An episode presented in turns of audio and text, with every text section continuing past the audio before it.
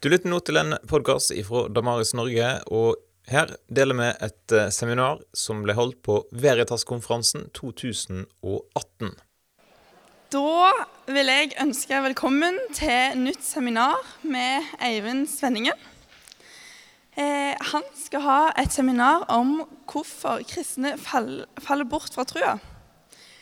Eivind har gått på Fjellhaug internasjonale høgskole Eh, og òg hatt en masteravhandling med dybdeintervju av ungdom som har forlatt den kristne trua si. Og vært engasjert i, lag, i eh, leirarbeid. Mm, spennende. Vi gleder oss. Jeg vil starte med å be før seminaret. Far, jeg takker deg for Eivind. Jeg takker deg for at eh, han har lyst til å eh, bare sette seg inn i hva er det som rører seg hos folk som har forlatt trua si. Eh, og jeg ber om at vi må få en økt forståelse av, av denne tematikken og utfordringen. Jeg ber om at eh, du skal vise oss mer av hva er det vi har for oss her. Mm. Legger denne stunden i dine hender. Amen. Amen. Ok, hei. Jeg heter Eivind, og dette seminaret er en del av det som jeg tror har blitt kalt et sånt ungdomsledertrack. Det er ikke sikkert at alle dere er ungdomsledere. Eh, så det, tanken med seminaret var å stille spørsmål om eh, hva gjør vi galt når vi jobber med ungdom, hvis det er så mange som faller fra trua, eh, og hvordan kan vi utruste ungdommene våre til å møte utfordringer. Så får vi se hvor mye jeg holder meg til måte, den problemstillinga der. Det kommer også litt an på, på dere og hva vi snakker om etter hvert. Men føl deg hjertelig velkommen hvis du ikke er ungdomsleder. Eh, jeg tror det kan være relevant for eh, dere som er ungdommer sjøl, eller dere som, dere som, jobber rett inn mot ungdom i, i hverdagen. Eh, og så Ja. Um, Først skal jeg si litt. Jeg skal si en del eh, om ei bok som jeg ikke brukte når jeg jobba med dette her når jeg gikk på Fjellhaug, men som jeg leste i, i, forkant, og som ble en slags inspirasjon for meg for å ta opp akkurat dette temaet. Så jeg skal fortelle litt om noe som den presenterer som viktige grunner for å bryte med troa. Og så skal jeg også si litt om de sju som jeg snakka med. Hva var det de fortalte om som var viktig for at de brøyt med, med kristen Og så vil jeg gjerne at dere òg skal delta. Jeg har en eh, plan for seminaret, men eh, jeg liker veldig godt å gå bort fra den planen. Eh, helst ikke for mye, men hvis jeg får et spørsmål, så syns jeg det er kjempeartig å interagere med de som er til stede. Så hvis du har et spørsmål, skyt hånda i været og fyr løs underveis. Og så skal vi òg sette av litt tid i midten når jeg har presentert de ulike grunnene, de ulike tankene som er viktige, eh, kan vi reflektere litt sammen om hva kjenner dere igjen. Hvis dere er ungdomsarbeider, hva kjenner dere igjen fra eh, din menighet, ditt ungdomsarbeid? Eller hva kjenner dere igjen fra, fra vennene deres eller andre som dere kjenner, som enten har brutt med trua, eller som kanskje er på tur eller tviler, eller kanskje ting som dere kan kjenne dere igjen i sjøl, som dere syns er utfordrende med kristen tro. Så still spørsmål når som helst. Ehm, jeg kommenterte litt formuleringa i stad. Ehm, hvordan kan vi utruste ungdommer for å møte med utfordringene? Ehm, og her står det også litt fokus på når unge kristne skifter miljø. Og det her med miljøskifte det kommer jeg litt eh, inn på eh, nå i starten og litt etter hvert. Eh, for jeg tror det er lett for mange av oss å tenke det at når ungdommene forlater menigheten hjemme, og så kommer de inn i et nytt miljø, når de kommer på universitetet, så møter de den akademiske verden. Og der, det er der problemet ligger. på en måte.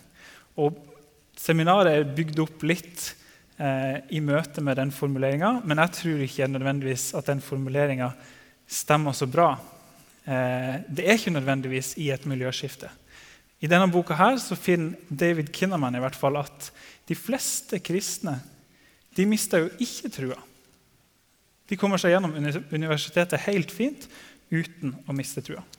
Eh, men det er litt fokus likevel på akkurat denne perioden når man bryter opp og går inn i et nytt miljø. Men bare ha det sånn litt i bakgrunnen, at selv om fokuset er der når jeg snakker nå, så er ikke det nødvendigvis en sånn eh, Det er ikke noe automatikk i at bare du kommer inn på et universitet og begynner å møte en akademisk tankegang, det er ikke nødvendigvis det som får en til å bryte med trua. Det går helt fint an å være et rasjonelt tenkende menneske og drive med vitenskap og forskning uten å bryte med trua. Så ja, vi skal møte utfordringer som skjer i denne perioden. Eh, og det er nettopp det som blir litt av nøkkelen. da. Hvordan kan vi utruste ungdommene til å være trygge i den perioden, og nettopp til å ikke miste troa? Og så skal jeg til slutt, litt avhengig av hva vi snakker om underveis, så skal jeg prøve å komme med en appell. Noe som er viktig for meg, og som jeg tror er viktig i ungdomsarbeid. Hva som jeg tror er et bra fokus for ungdomsarbeid på slutten. Men vi starta med denne boka her. Den heter 'You Lost Me Why Young Christians Are Leaving Church and Rethinking Faith'. Denne boka handler om kristne som forlater kirka. Dvs. Si både personer som slutter å være kristen, men også folk som fortsetter å være kristen, men bryt med kirka som institusjon. Så han har litt forskjellige grupper. Det er ikke bare folk som slutter å være kristen. Men jeg, jeg synes det var kjempeinteressant å lese denne boka. Jeg anbefaler den for alle dere. Og I denne boka så presenteres det seks vanlige grunner i en amerikansk kontekst. Og vi kan kanskje anta at det er ganske likt her i Norge. At de to kulturene er litt like. Um, og de skal jeg gå igjennom nå, de seks grunnene. Um, en tanke med dette her seminaret var òg det at kanskje det er noen av oss som ikke er klar over at dette her er et problem. At det er mange kristne, og særlig da unge, som bryter med trua. Eh, det er ikke sikkert eh, at det gjelder for så mange av dere. Kanskje dere er veldig vant til at det er noe som, som rører seg, og at det er vanlig. Eh, men i denne her boka så presenteres det i hvert fall at Eh, de fleste som bryter med kristen tro, flertallet, de gjør det imellom at de er 18 og 29 år. Eh, og så har vi ikke like mye forskning i Norge, så det er tall fra USA. Da. Men som sagt, vi kan anta at det kanskje er ganske likt. Eh, laget har også gjort en undersøkelse som viser det at ni av ti norske studenter skjuler sin kristne tro på universitetene våre. Det er ikke det samme som å bryte med trua, men det er litt av grunnlaget for å snakke om dette. her. Det er viktig, det skjer, det er et fenomen som vi bør ta stilling til. Eh, David Kinnaman, det er han dere ser der, eh, han jobber i det som heter Barna Group i USA. Har skrevet denne her boka. Den er basert på ca. 5000 dybdeintervjuer Eh, og masse forskning basert på litteratur eh, og andre kilder. Så dette er et stort materiale som jeg henter på en måte det jeg skal, skal si fra. Det er masse folk som har brutt med kirka, og som har forklart hvorfor de har gjort det. Um, det er en kvantitativ studie. Det jeg gjorde, var en kvalitativ studie. Jeg snakka med sju personer. Og Da får jeg ikke noe grunnlag for å si noe om samfunnet, eller sånn, men jeg kan si at dette var viktig for disse personene. Og så tror jeg også at det gjelder generelt for mange flere enn akkurat de sju. Dere er med på forskjellen? Kvantitativ, kvalitativ. Eller kvantitativ, og så har jeg gjort noe kvalitativt. Og Det betyr ikke at det dermed var automatisk bra, bare for at det heter kvalitativt. Men jeg har gjort en god jobb. Det vil jeg påstå. Jeg har satt meg så grundig inn i det som jeg kan. Men ja, kvantitativ, kvalitativ. Så går vi til de her grunnene. da. De er litt forenkla fra boka, men grunn nummer én Og det her er, de har formulert de på en måte sjøl, og så har han generalisert det. David Kinnaman. Boka er fra 2011. Eh, kirka er overbeskyttende. At kirka dreper kreativiteten min og mitt kulturelle engasjement. Det var et ikke-tema å ta risiko og involvere seg i kultur. Kinnaman han snakker om millenniumsgenerasjonen. Det er basically dere. Eh, de som er unge i dag eh, Et poeng for han er å si at dette med eh, kreativitet og kulturelt engasjement, å være til stede i kulturen, er noe som er veldig viktig for denne her nye generasjonen. Så det kan være et viktig punkt. Grunn nummer to er at eh, kirka er grunn, eller shallow. Det har ikke noe dybde.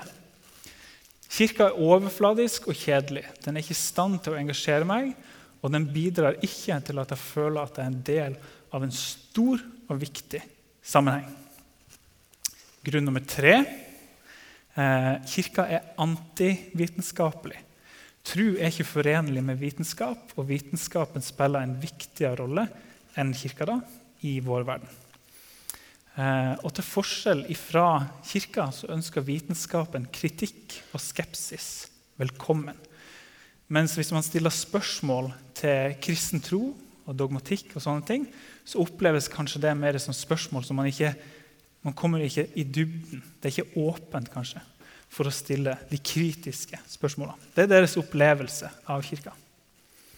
Nummer fire kirka er undertrykkende, og da særlig eh, inn mot eh, moralske normer, særlig seksuelle normer. Så når man møter Kirka som sånn, så oppleves Kirka som kvelende. At den begrenser den friheten man har. Så da framstår Kirka som undertrykkende for noen. Nummer fem Kirka er ekskluderende. og Det handler om at når Kirka påstår at Jesus er den eneste veien til Gud, så oppleves det som litt sånn for trangt, kanskje. Og Da kan vi igjen trekke inn dette med millenniumsgenerasjonen, som har vokst opp i et veldig sånn pluralistisk samfunn og er veldig vant til å inkludere alle sine meninger. De tar ikke altfor god fisk, de går ikke med på hva som helst. Men å påstå at man har den eneste mulige veien til frelse, det blir litt for rigida, mener disse. Siste, fri for tvil. Kirka gir ikke rom for å innrømme og uttrykke tvil på en trygg måte. Og den responsen som Kirka gir når disse her fremmer sin tvil, har vært opplevd da som triviell, altså overfladisk. At man bare får et kanskje ferdig, ferdig mekka svar. Eh, og at man kanskje ikke setter seg ned og virkelig går igjennom de vanskelige spørsmålene fra A til Å. Ja. Er dere med så langt? Ingen spørsmål til de seks eh, påstandene. Det var boka. Eh, jeg gjennomførte som sagt disse her intervjuene i samme aldersgruppe som eh, de gjøres i boka. Eh, jeg prøvde å stille spørsmål. Eh, det var superinteressant. Det kan jeg bare si. Eh, det er ikke ofte at man har anledning til å høre livshistorien til en person.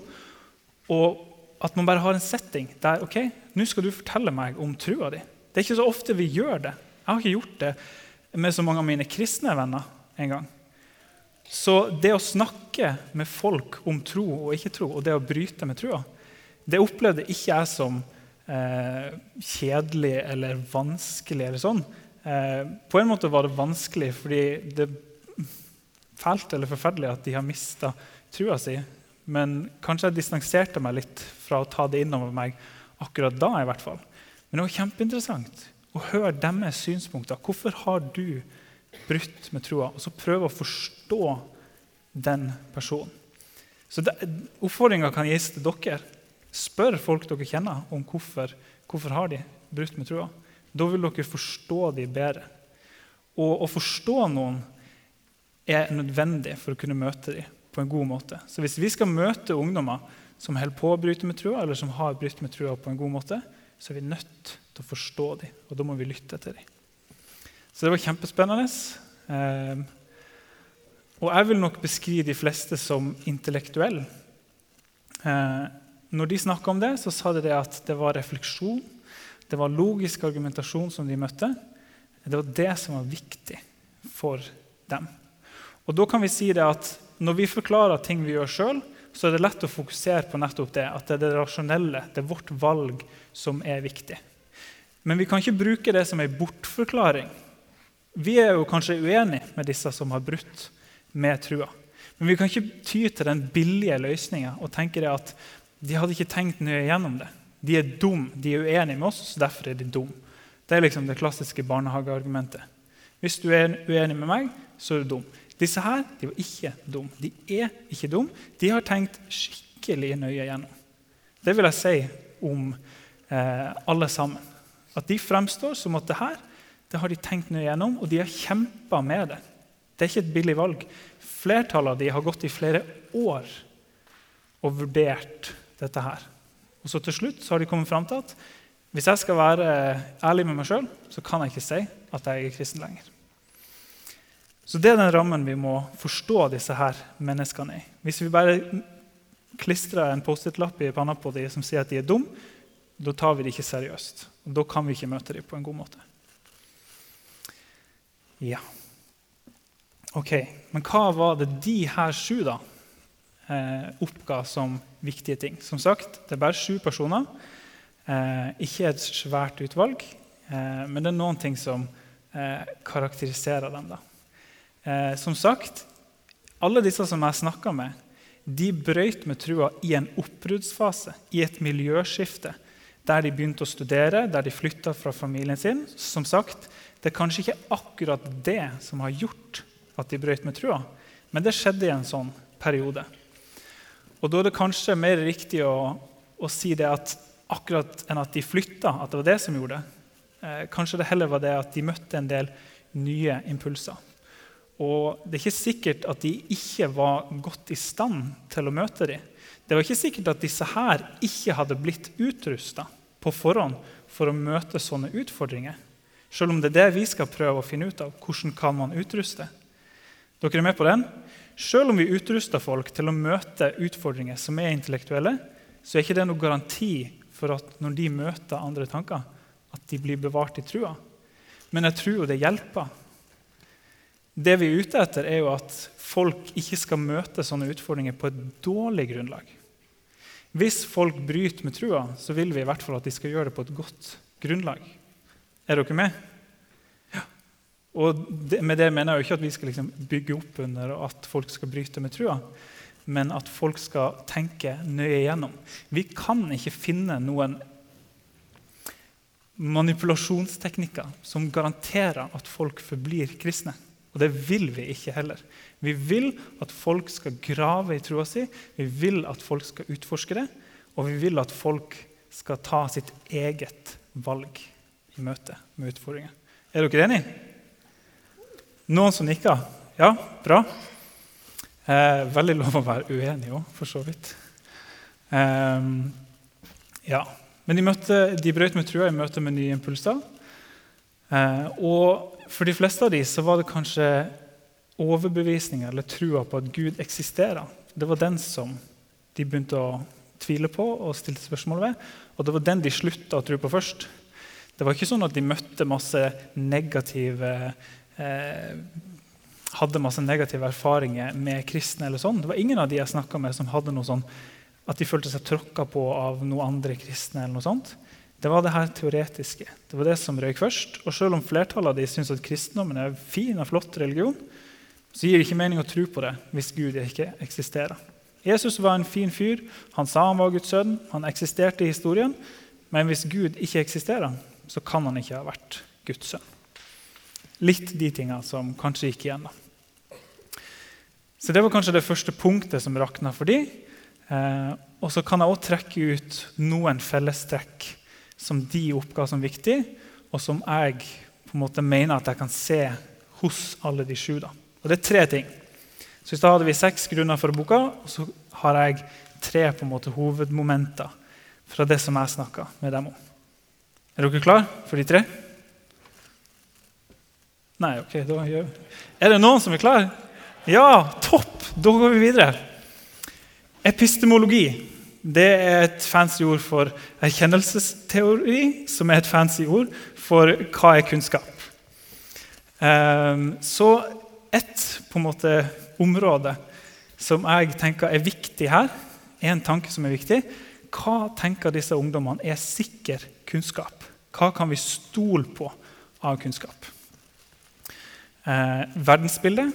Hvordan ser de på verden? Hva tror de verden består av? Hvordan den fungerer? Og gudsbildet. Hvem tror de at Gud er, og hvordan tror de at Gud er? Eller hvordan trodde de når de var kristne at Gud er? Dette er tre tanker eller overbevisninger som hver for seg kan påvirke hvor sannsynlig jeg og de ungdommene og andre tenker at det er at Gud eksisterer. Og jeg vil si det at disse her tre grunnene sammen de gjør det enda mye mer enklere å ikke tro på Gud. Hvis du har eh, ikke noe fullt utarbeida epistemologi eh, og på en måte tenker at Eller jeg kan ta mer relevante eksempler. Nå bare lagde jeg et eh, på sparket. Jeg, eh, min erkjennelsesteori mitt syn på hva som er sikker kunnskap, eh, vil jeg i hvert fall påstå sjøl at har, jeg har god tiltro til vitenskap. For eksempel. jeg syns vitenskap er kjempebra. Og jeg har veldig sterk tiltro til at vitenskap er i stand til å komme fram til sikker kunnskap. Eh, hvis jeg ikke eh, ja, Det kan gjøre at kanskje det gjør at jeg opplever en kontrast mellom fornuft og. Men hvis jeg i tillegg har et gudsbilde som sier det at Gud har lagt ned i mennesket en fornuft som gjør oss i stand til å produsere vitenskap, da gjør ikke det de to sammen gjør ikke det nødvendigvis enklere for meg å bryte med tro.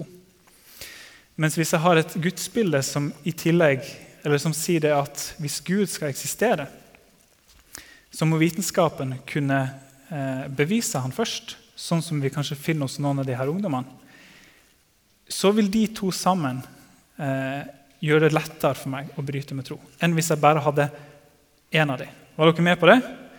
Jeg kan prøve å forklare litt, litt mer etter hvert. Eh, det er ingen av disse her ungdommene som sier at det går ikke an å være vitenskapsmann og kristen samtidig. Det er ingen som mener at det er umulig å tro på både Gud og vitenskap. Men det som jeg syns jeg kan på en måte ane i det som de sier, det er at de har et litt sånn uklart bilde av vitenskapen.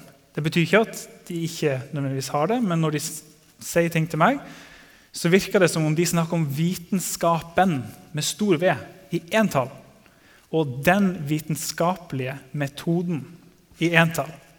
De snakker ikke om eh, så mange forskjellige vitenskaper, de snakker ikke om så mange forskjellige vitenskapelige metoder.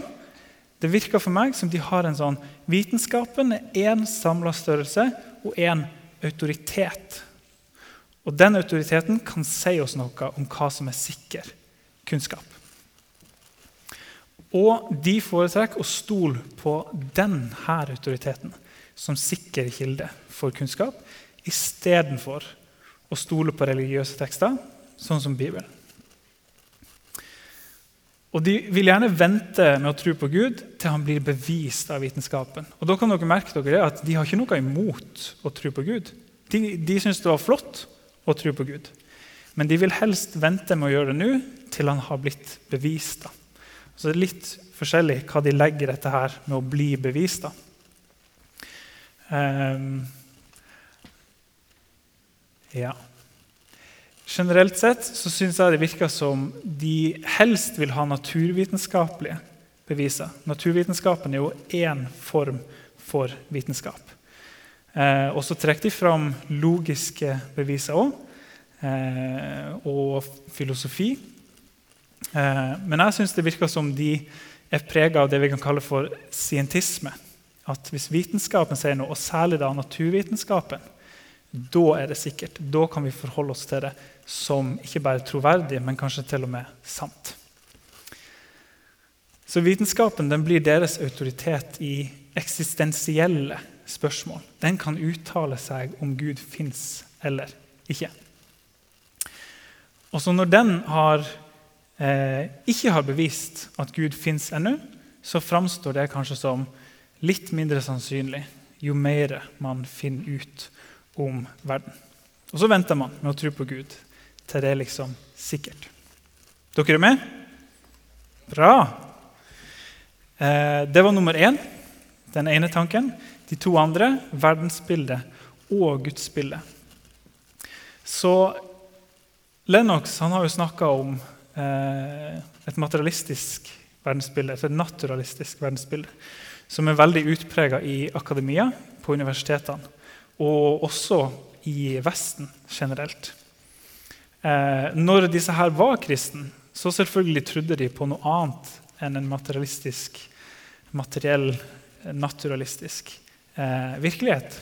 Men sånn som det er nå, så vil de si at verden består kun av materie og energi. Eh, og kanskje andre ting, men vi kan ikke vite at de andre tingene eksisterer før de er blitt bevist. Ok, eh, Alt annet kan gis en naturlig forklaring. Naturalisme, naturlig forklaring. Og så har de òg det som jeg vil beskrive. De, de bruker ikke det ordet sjøl, men at de har et deistisk gudsbilde. Eller et gudsbilde som kanskje på en måte setter Gud på lik linje med andre ting i verden. Han ene som jeg snakka med, jeg spurte han om ja, hva tror du verden består av. på en måte. Og så sier han at ja, han vil beskrive sitt verdensbilde som materialistisk. Eh, og så eh, på en måte spør jeg om ja, tror det består av noe annet. Og så lister han opp nei, ikke tusser eller troll eller guder eller annet magisk. Og Da har han lista opp ei rekke med ting og på en måte klassifiserer alt det som magisk. Og Det er nå en ting i seg sjøl å liste opp de her tinga. Men man kan også merke seg at han nevner Gud i samme kategori som alle disse her andre tingene. Hvis Gud eksisterer, så eksisterer han på samme nivå som noe magisk, som tusser og troll. Så han har ikke noe skille mellom at hvis Gud eksisterer, så eksisterer han på en annen måte enn alle andre ting. Og Det er det som Lennox på en måte har vært inne på som eh, den fundamentale virkeligheten. Hva er det egentlig som er virkelig? Ja. Ok, Hvis du har eh, den tanken eh, om at det fins en naturlig forklaring, Big Bang eller hva man skal kalle det, som eksisterer på samme måte som Gud, så gjør jo det at du trenger ikke Gud lenger. Og Da framstår det som mindre sannsynlig at Gud skal eksistere. For vi trenger ikke at han eksisterer for å forklare verden. Så disse tre tinga eh, mener jeg at kan prege de som jeg har snakka med. i hvert fall. At det er vitenskapen som gir oss sikker kunnskap, og at verden består av det vitenskapen kan bevise, og at Gud kan bevises hvis han eksisterer.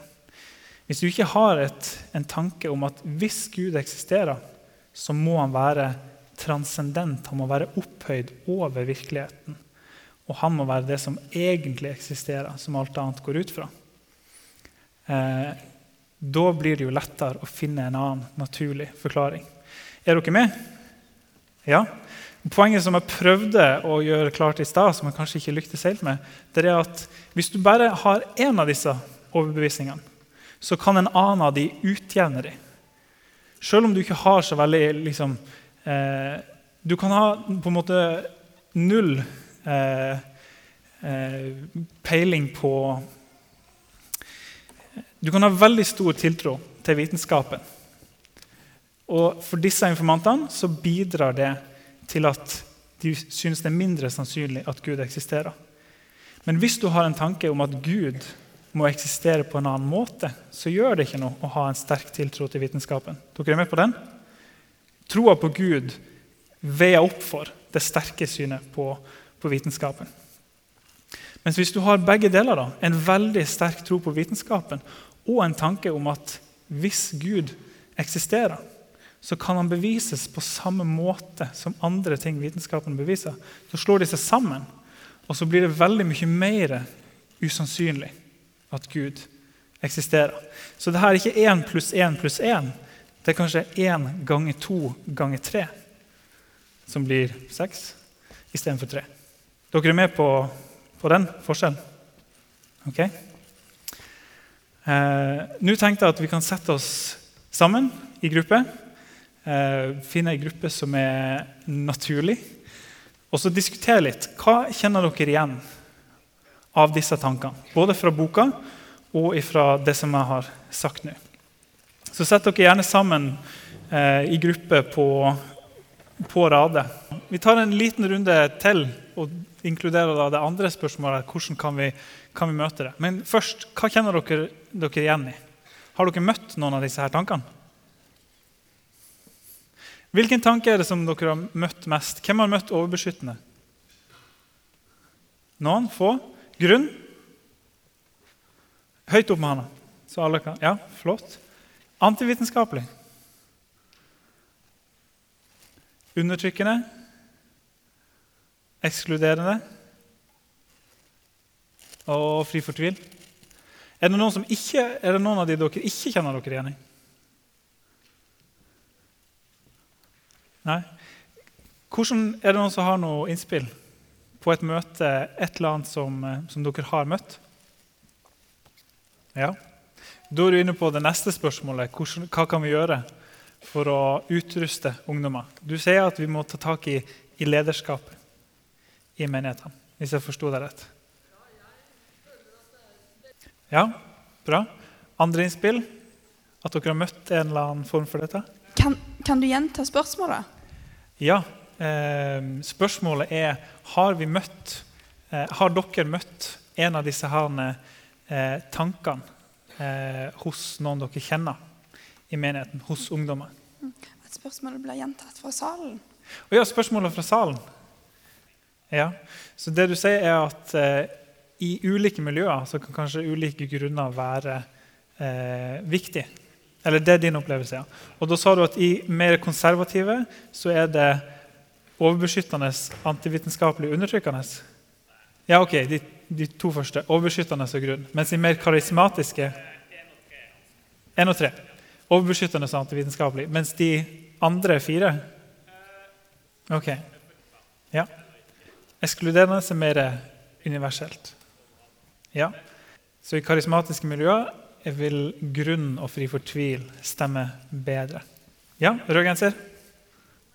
Mm. Så du har møtt en person som eh, mente at det med at kristendommen mener at de har retten til all moral, det var det han reagerte på. Ja. Så det blir jo på en måte ja, ekskluderende slash undertrykkende. Så du møter mange steder folk som syns at kristendom og kristen, kristne menigheter, ja, menigheter er kjedelig. Mm. Og at man ikke klarer å fange ungdommene. Ja. Ok. Eh, jeg tror vi tar eh, og går rett over til forslag til hva vi kan gjøre. Da får dere ikke tid til å snakke så mye om det. Er det noen som har noen konkrete forslag? noen ideer. Poenget, at, poenget, ditt var at man må få folk til å føle seg velkommen. Ja. Hilse på dem og investere litt tid i dem. Mm. Skape et forum eller et rom for spørsmål. Og da noen konkrete spørsmål som man ikke føler man kan ta opp med kristne. Har du noen eksempel? Ja. Evolusjon. Helvete sentrale tema. Eh, vi freser litt videre, tror jeg, så kan vi kanskje rekke litt flere spørsmål, innspill til slutt. Eh, jeg har veldig lyst til å ta opp det som Øyvind, hvis jeg husker riktig, eh, nevnte her. Var det riktig? Ja? Tobias. Nei, jeg var ikke i nærheten engang. Jeg møtte han i sommer og sjonglerte med han, men uh, ja, det er en annen historie. Ok. Um, vi um, En ting er at ja, vi kan lage et bra ungdomsarbeid, og ja, vi kan lage konferanser, og ja, vi kan organisere mye.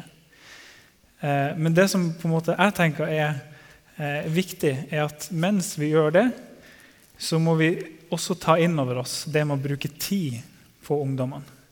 Og da, Her var det sagt at ja, vi må hilse på dem, ikke bare si hei og hva driver du med.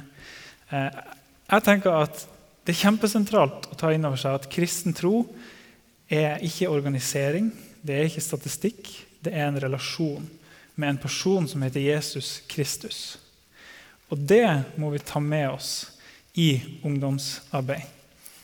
Jeg tenker Vi må skifte fokus fra organisering, som jeg tror vi kanskje har lett for å gjøre. At vi tenker på en måte hva skal vi gjøre, hvordan skal vi løse dette her problemet. Eh, og det er ikke galt å ha noe organisering, men vi må ha det er helt sentralt at det er en relasjon det er snakk om. Og jeg vil slå et slag for at å ikke tilpasse ungdomsarbeidet til ungdommer Og med det mener jeg ikke at vi skal ha en form som frastøter dem, men at eh, det er ikke vi som skal tilpasse oss ungdommene. Det er ungdommene som skal tilpasse seg til Kristus. egentlig. Det er ungdommene som skal vokse. Det er sånn man utruster ungdommer. Man må utfordre dem til å vokse i åndelig modenhet. Og hvordan gjør vi det? Jo, det tror jeg vi gjør. Det vi skal gjøre for å legge til rette for det, eh, det er å stille det riktige spørsmålet. Og det er, tror jeg, i hvert fall ett av de riktige spørsmålene er hvor mange ungdommer har du plass til i livet ditt? Ikke i menigheten din, ikke i ungdomsarbeidet ditt, men i livet ditt. Og Så skal jeg gi dere en liten sånn smørbrødliste. Eller jeg skal gi den. Paulus har gitt den eh, i Kolossebrevet, det første kapittelet. Jeg skal ta fram noen ting der for å si litt om hvordan er det mennesker generelt, men også ungdommer. Hvordan er det vi vokser i modenhet? Hva er det Paulus gjør for å møte mennesker som han hadde et ansvar for? Nummer én be for ungdommene. Fra vers 9 så står det fra den dag vi fikk høre om dette, har vi ikke holdt opp med å be for dere. Vi ber om at dere må bli fylt av kunnskap om Guds vilje og få all den visdom og innsikt som Ånden gir da kan dere leve et liv som er Herren verdig, og som helt og fullt er til glede for Ham, så dere bærer frukt i all god gjerning og vokser i kjennskap til Gud. Kraften fra Hans herlighet skal gi dere styrke, så dere alltid er utholdende og tålmodige. Det er det vi vil for ungdommene våre, at de skal være utholdende og tålmodige i møte med utfordringen. Med glede skal dere takke Far, som satte dere i stand til å få del i de helliges arv i lyset. For han har fridd oss ut av mørkets makt og ført oss over i sin elskede Sønns rike. I ham er vi kjøpt fri og har fått tilgivelse fra syndene. Legg merke til fokuset til Paulus. Det ligger på Kristus. Vi må rette fokuset til ungdommene mot Kristus. Og Det er på en måte lett å si når vi står her i en kristen setting. Ja, men vi må fokusere på å få ungdommene til å se på Jesus, og vi må be for dem. Selvfølgelig må vi be for dem, men vi må faktisk gjøre det. Og du må gjøre det i ditt daglige liv. Og Da er det ikke snakk om at du skal be for alle ungdommene i menigheten din. Du kan gjerne gjøre det òg, men man har ikke kapasitet til å be for alle ungdommene i hele verden. Du må finne ut hvem er det du skal følge opp spesifikt? Hvem er det du skal slippe inn i livet ditt? Og hva mener jeg med å slippe inn i livet ditt? Jo, det står videre her. Også dere var en gang fremmede og fiender av Gud i sinn og tanke med de onde gjerningene deres. Men nå har han forsonet dere med seg, da Kristus led døden i sin kropp av kjøtt og blod. Hellige, uten feil og ungripelige ville han føre dere fram for seg. Dere må bare bli stående i troen, grunnfestet og stødige, uten å la dere rive bort fra håpet som evangeliet gir. Vi vil ikke at ungdommene våre skal la seg rive bort fra evangeliet. Og Her fokuserer Paulus igjen på Kristus. Hva mener jeg med at du må gi livet ditt? Du må gjøre sånn som Jesus. Han var villig til å komme ned til jorda og gi livet sitt. Han har latt oss få plass. Han har latt oss være av avgjørende betydning for hvordan han handler. Ungdommene de trenger ikke forbilder og ledere som treffer dem annenhver helg. De trenger mennesker som følger dem opp gjennom hele livet sitt. Vi skal ikke drive ungdomsarbeid på egentlig noen annen måte enn vi driver annet kristent arbeid. Vi skal møte alle kristne brødre og søstre på samme måte.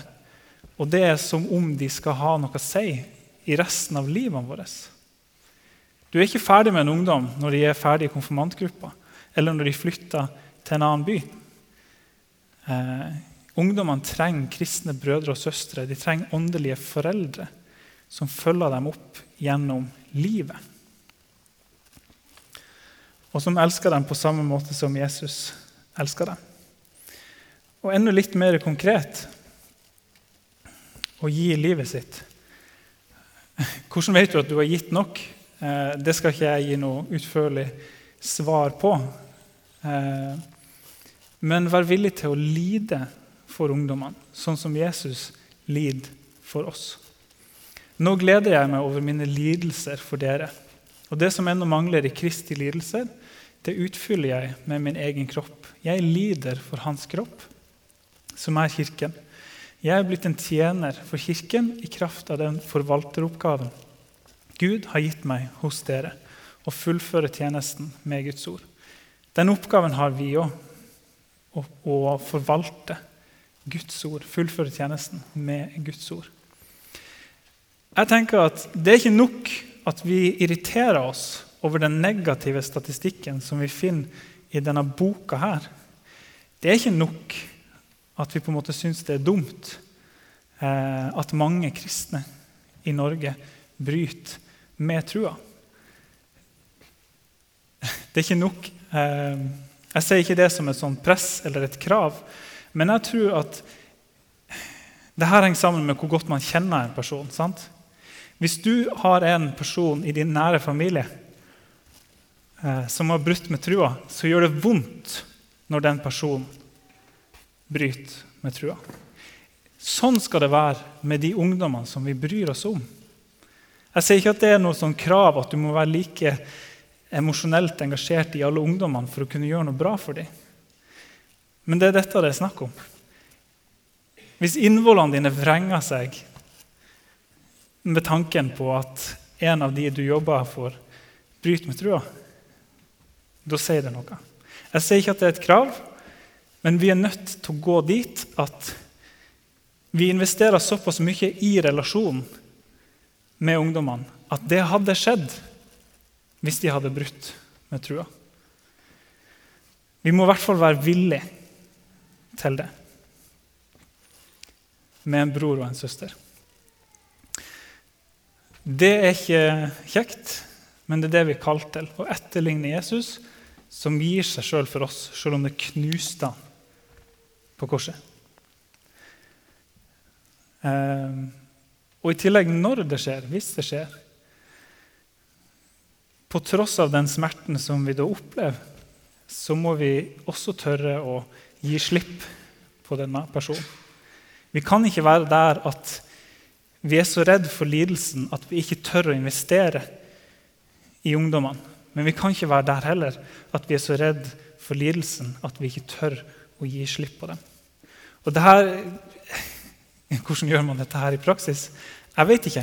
Eh, jeg tror det handler om eh, den tilnærminga man har, og at man går inn for å bygge en relasjon, og at det er relasjon som er i fokus. Ikke det vi gjør, men de vi gjør det for. Det mysteriet som har vært skjult gjennom, lang, gjennom alle tider og for alle slekter, men som nå er blitt åpenbart for Hans hellige. Eh, Gud ville kunngjøre for dem hvor rikt og herlig dette mysteriet er for folkeslagene. Kristus er blant dere, håpet om herligheten. Det er ham vi forkynner. Og vi rettleder og underviser alle mennesker i den fulle visdom for å føre hvert menneske fram til modenhet i Kristus. For å nå dette målet arbeider og kjemper jeg i Hans kraft, den som virker i meg med styrke. Det er målet vårt. Å føre ungdommene fram til modenhet i Kristus. Så igjen, det er ikke noe gærent i å fokusere på struktur og, og lage et, et, ungdomsarbeid som er kjekt og som har aktiviteter som ungdommene faktisk syns er kjekt. I hvert fall noen av ungdommene. Men jeg tenker vi må fokusere mer på hvem vi arbeider for, og den relasjonen vi har til dem, enn hva vi gjør. Og så hadde jeg også lyst til å si litt om at, eh, bare om fokuset på organisering. Da. For vi vet at statistikken eh, i denne boka ikke er helt sann. Altså den, den holder definitivt mål fra et vitenskapelig perspektiv. Men vi har ikke innsikt i hvem som har tro eller ikke har tro. Så da kan vi ikke henge oss opp i statistikk på akkurat dette området. Vi kan bruke det som et verktøy, eh, men vi vet ikke hvem det er som egentlig hører til Jesus. Og så har jeg tatt med noen sitater eh, om at ikke alle som sier til meg 'Herre, Herre', osv. Eh, ikke alle som tror at de er kristen, er det. Så Det er bare et poeng for å si det at statistikk er ikke det som skal være vårt primære verktøy. Det er relasjonen til enkeltmennesker som skal være det. Og så Et kjempeviktig poeng for meg òg er å se det at vi har ikke med statistikk å gjøre, vi har med ungdom å gjøre. Ungdommene er ikke statistikk. Isak og Thomas og Lasse og Richard og Maria og Eva og Tina. Eh, når dere ser det, så er det bokstaver på et ark. Eh, men jeg har snakka med dem. De har vært kristen, og de definerer ikke seg sjøl som kristen lenger. Og når jeg snakka med dem, så hadde jeg på en måte forskerhatten min på meg og var ikke så emosjonelt engasjert i det som skjedde i deres liv. Jeg distanserte meg bevisst fra det for å på en måte kunne ja, jeg vet ikke, være mest mulig objektiv. Eh, men det er kjipt, det er forferdelig at disse menneskene ikke lenger vedkjenner seg Jesus. Og det skal være kjipt. De er ikke statistikk. Eh, noen forslag, hvis vi skal være litt mer konkret Gi telefonnummeret ditt til de ungdommene som du har kapasitet til å følge opp. Og send en melding eh, når du ber for dem. Eh, jeg syns òg Lennox hadde et bra poeng da, om at jo mer vi blir digitale, jo mindre har relasjonene våre å si. Eh, tekstmelding er et digitalt medium, men det her handler om å vise dem at du følger dem opp. Eh, og ha gjerne fokus på miljøskifter som ungdommene går igjennom. For det er en viktig periode. Jeg tror det er kjempeviktig å fange opp ungdommer når de går fra en menighet inn i en ny by. Hvis de ikke finner et kristent fellesskap der de kan danne nye relasjoner, så er de utsatt. Og som du nevnte, ta opp konkrete tema. F.eks. evolusjonsteori, f.eks. Eh, helvete. Eh, i andakter og i samtaler. Litt mer, og dette er relatert til de tre eh, tingene som jeg nevnte tidligere, med synet på kunnskap og gudsbildet og verdensbildet. For der er tre områder der jeg mener at den kristne tro gir skikkelig gode svar, og der vi faktisk kan møte disse her utfordringene på en ordentlig bra måte. Kristendom er ikke fiendtlig til vitenskap. Eh, teisme er ikke i konflikt med vitenskapen. Der har vi masse å gå på. Selv om alle kanskje ikke er ekspert på alle mulige vitenskaper, eh, så kan vi i hvert fall holde fram et positivt syn på vitenskap. Og mer realistisk. Vi kan ta dette synet på vitenskapen i entall, så kan vi hakke det litt opp. Og så kan vi se at nei, det fins ikke én vitenskap. Det fins mange vitenskaper. Og det fins vitenskaper som har ulik grad av sikkerhet. Moderne fysikk har mye større grad av sikkerhet, mens psykologi har mye mindre grad av sikkerhet fordi de opererer med ulike metoder. Sånn er det bare. Helt uavhengig av om man er kristen eller ikke, så vil man kunne være enig i det. Det handler om en allmenndannelse som vi kanskje kan få Eh, mange ateister også med på å gi et mer nyansert bilde av vitenskap. Og det trenger vi i samfunnet vårt. Vi trenger et mer nyansert bilde av vitenskap når vitenskap er så viktig i samfunnet vårt. Og så vil jo jeg som teolog gjerne holde fram at teolog, teologi som vitenskap, og filosofi òg, det er vitenskaper som faktisk kan uttale seg om eksistensielle spørsmål. Og Det vil at vi skal holde fram for ungdommene våre. Paulus skriver mye om på en måte mysteriet. Og det er noe, det er noe litt sånn eh, Det appellerer jo. Et mysterium. Det vil vi gjerne finne ut av. Hvor går vi for å finne ut av det? Jo, vi må presentere teologi og filosofi som områder der ungdommer faktisk kan finne kunnskap om Gud. Det er litt spennende med et mysterium. Men du skal ikke nødvendigvis gi ungdommene svaret. Du skal oppfordre dem til å utforske.